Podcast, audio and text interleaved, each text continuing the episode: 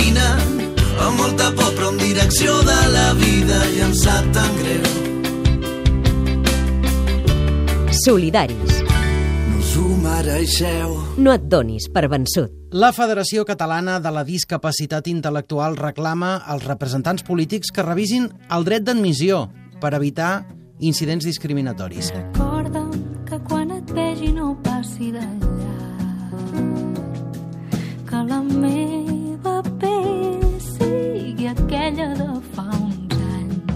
Sònia Fabra, responsable jurídica de DINCAT. Què tal? Bona tarda.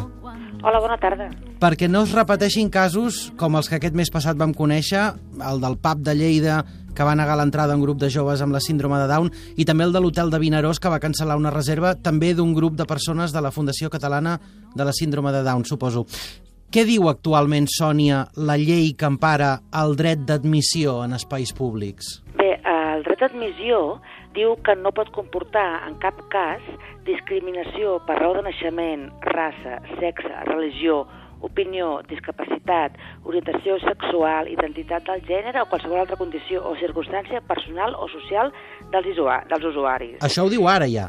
Això ja ho diu. I si El ho diu, com passa- és que passen aquestes coses? Doncs perquè aquest exercici, eh, aquest dret, eh, s'exerceix de manera abusiva. Uh -huh. El que nosaltres reclamem és, en primer lloc, que aquest dret estigui realment no només regulat, sinó que a més que, que les persones que, que l'han d'exercir l'apliquin de manera correcta, no en facin cap abús. I per tant el que falla aquí és que no l'expliquem bé? No s'explica bé, Uh uh -huh. efectivament. Eh, La llei també diu que eh, les condicions que permeten eh, exercir el, el dret de... de, De, de no admissió, de vaja, en diem el dret d'admissió, però és el dret de no admissió. de, sí, han d'estar molt clares. Uh -huh. S'han d'exposar de manera pública i han d'estar molt clares. Uh -huh. I en el cas de la discapacitat intel·lectual, a més a més, el que pre- pretenem és que siguin accessibles. Hi ha una llei d'accessibilitat Uh -huh. que diu que s'ha de facilitar la comprensió a les persones que tenen una discapacitat cognitiva, Uh -huh. que és la, una llei del 2014 que regula l'accessibilitat. Ara mateix el Parlament treballa en l'avantprojecte d'una llei d'igualtat de tracte i de no discriminació. Quines modificacions hi demaneu introduir vosaltres? Nosaltres pensem que, en primer lloc, és adaptar en lectura fàcil tot el que és el dret d'admissió, la regulació del dret d'admissió. També s'hauria d'adaptar en lectura fàcil els, els fulls de reclamació. D'acord? També pensem que s'hauria de sensibilitzar a les persones d'accés que controlen l'accés, s'hauria de fer una formació específica en temes de discapacitat. Pensem que seria positiu establir un espai inclusiu, per exemple, una, certificació d'espai inclusiu, Uh -huh. en determinats locals que, per saber doncs, que no només pots entrar amb cadira de rodes, sinó que també es permet l'accés a persones amb discapacitat intel·lectual. Uh -huh. com un certificat de, de qualitat, per Uh -huh. exemple. Com un segell de qualitat, exacte. Uh -huh. Doncs, Sònia, saps què farem ara? Què farem? Ara escoltarem un grup d'alumnes del curs d'auxiliars de ràdio de la Universitat Pompeu Fabra i de la Fundació Catalana de la Síndrome de Down, que fa uns dies van venir de visita a conèixer Catalunya Ràdio. Ah, perfecte. Sònia Fabra, responsable jurídica de DINCAT, moltes gràcies per haver passat pels Solidaris. Fins aviat. Moltes gràcies a vosaltres.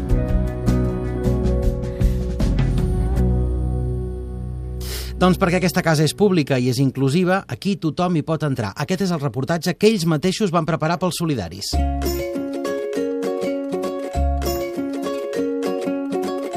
Hola, soy Roberto. Tengo 33 años. Me gusta mucho la radio. ¿Por qué? Me relaja. Me llamo Elena, soy de Barcelona, soy aficionada a la radio porque hay música que son muy buenas. Mi nombre es Lice, me gusta la música y el fútbol. Em dic Carles, m'agrada molt fer el curs de ràdio, per a l'esports també del Barça. Me llamo Iñaki Cordón. Hago el curso de radio porque me gusta muchísimo hablar en antena. Hola, soy Daniel González y me gustaría conseguir el título de auxiliar de la radio. Em dic José Moros. Estic fent un curs de radiocomunicació per aprendre sobre la ràdio i m'agradaria treballar a Catalunya Ràdio.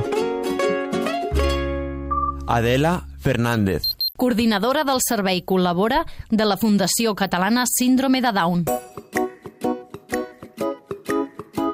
I el tema de ràdio i comunicació, bé, doncs perquè pensaven que era una bona sortida i una nova oportunitat formativa per, per poder després treballar per aquest camí han d'estudiar, han de treballar, han d'esforçar-se, i hi ha alguna persona amb discapacitat que treballa a ràdio, a, a ràdios emissores, i creiem que sí que es podrà aprofitar i algun podrà treballar amb això. Pilar Medina. Psicòloga i professora de la Universitat Pompeu Fabra. Que el periodisme de per ser hauria de ser recordar-se a si mateix dins de les seves responsabilitats que pertanyem com a professió a una societat plural i diversa, on som tothom. Llavors, eh, jo suposo que hi haurà un temps en què periodisme inclusiu, la paraula inclusiu, ja no serà necessari perquè la tindrem present, de que tots estem inclosos. Cati Trias. Directora de la Fundació Catalana Síndrome de Down. El periodisme no, no ha de ser exclusiu per ningú. El periodisme ha de ser inclusiu perquè ha d'incloure les opinions de la societat a qui s'hi dirigeix. Algun exemple de periodisme inclusiu? Èxit 21 és una plataforma que la Fundació Catalana Síndrome de Down ha posat a l'abast de les persones amb discapacitat intel·lectual perquè puguin expressar la seva veu. I què hi feu els redactors? Carlos Rueda. Redactor d'Èxit 21. Yo hago escritos de- sobre cultura, eh, cultura en general, o sea, eh, pues el otro día hice uno de Gaudí y pues mm, hago en general. Me parece una, una experiencia muy chula y divertida y aprendes mm, a relacionarse, es que sí. Un altre exemple? Encerta la ràdio és un taller de comunicació enfocat eh, a la ràdio per a joves amb discapacitat intel·lectual i del desenvolupament. Gabriel Barba. Coordinador d'Encert a la ràdio.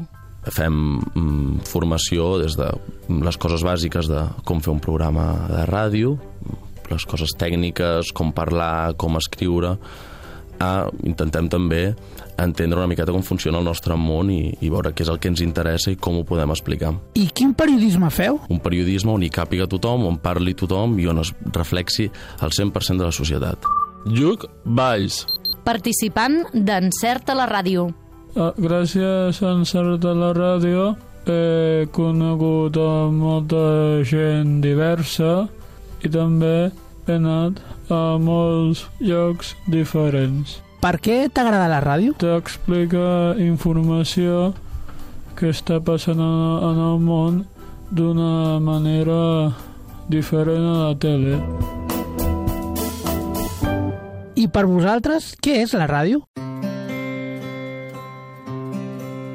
Per mi la ràdio és emocionant. Pasión, comunicación y universal. Diversión y sensaciones. Diversión cuando escucho música. Y me gustan las crónicas. Me distrae y me divierte. Una de las fuentes de información más entretenidas y divertidas.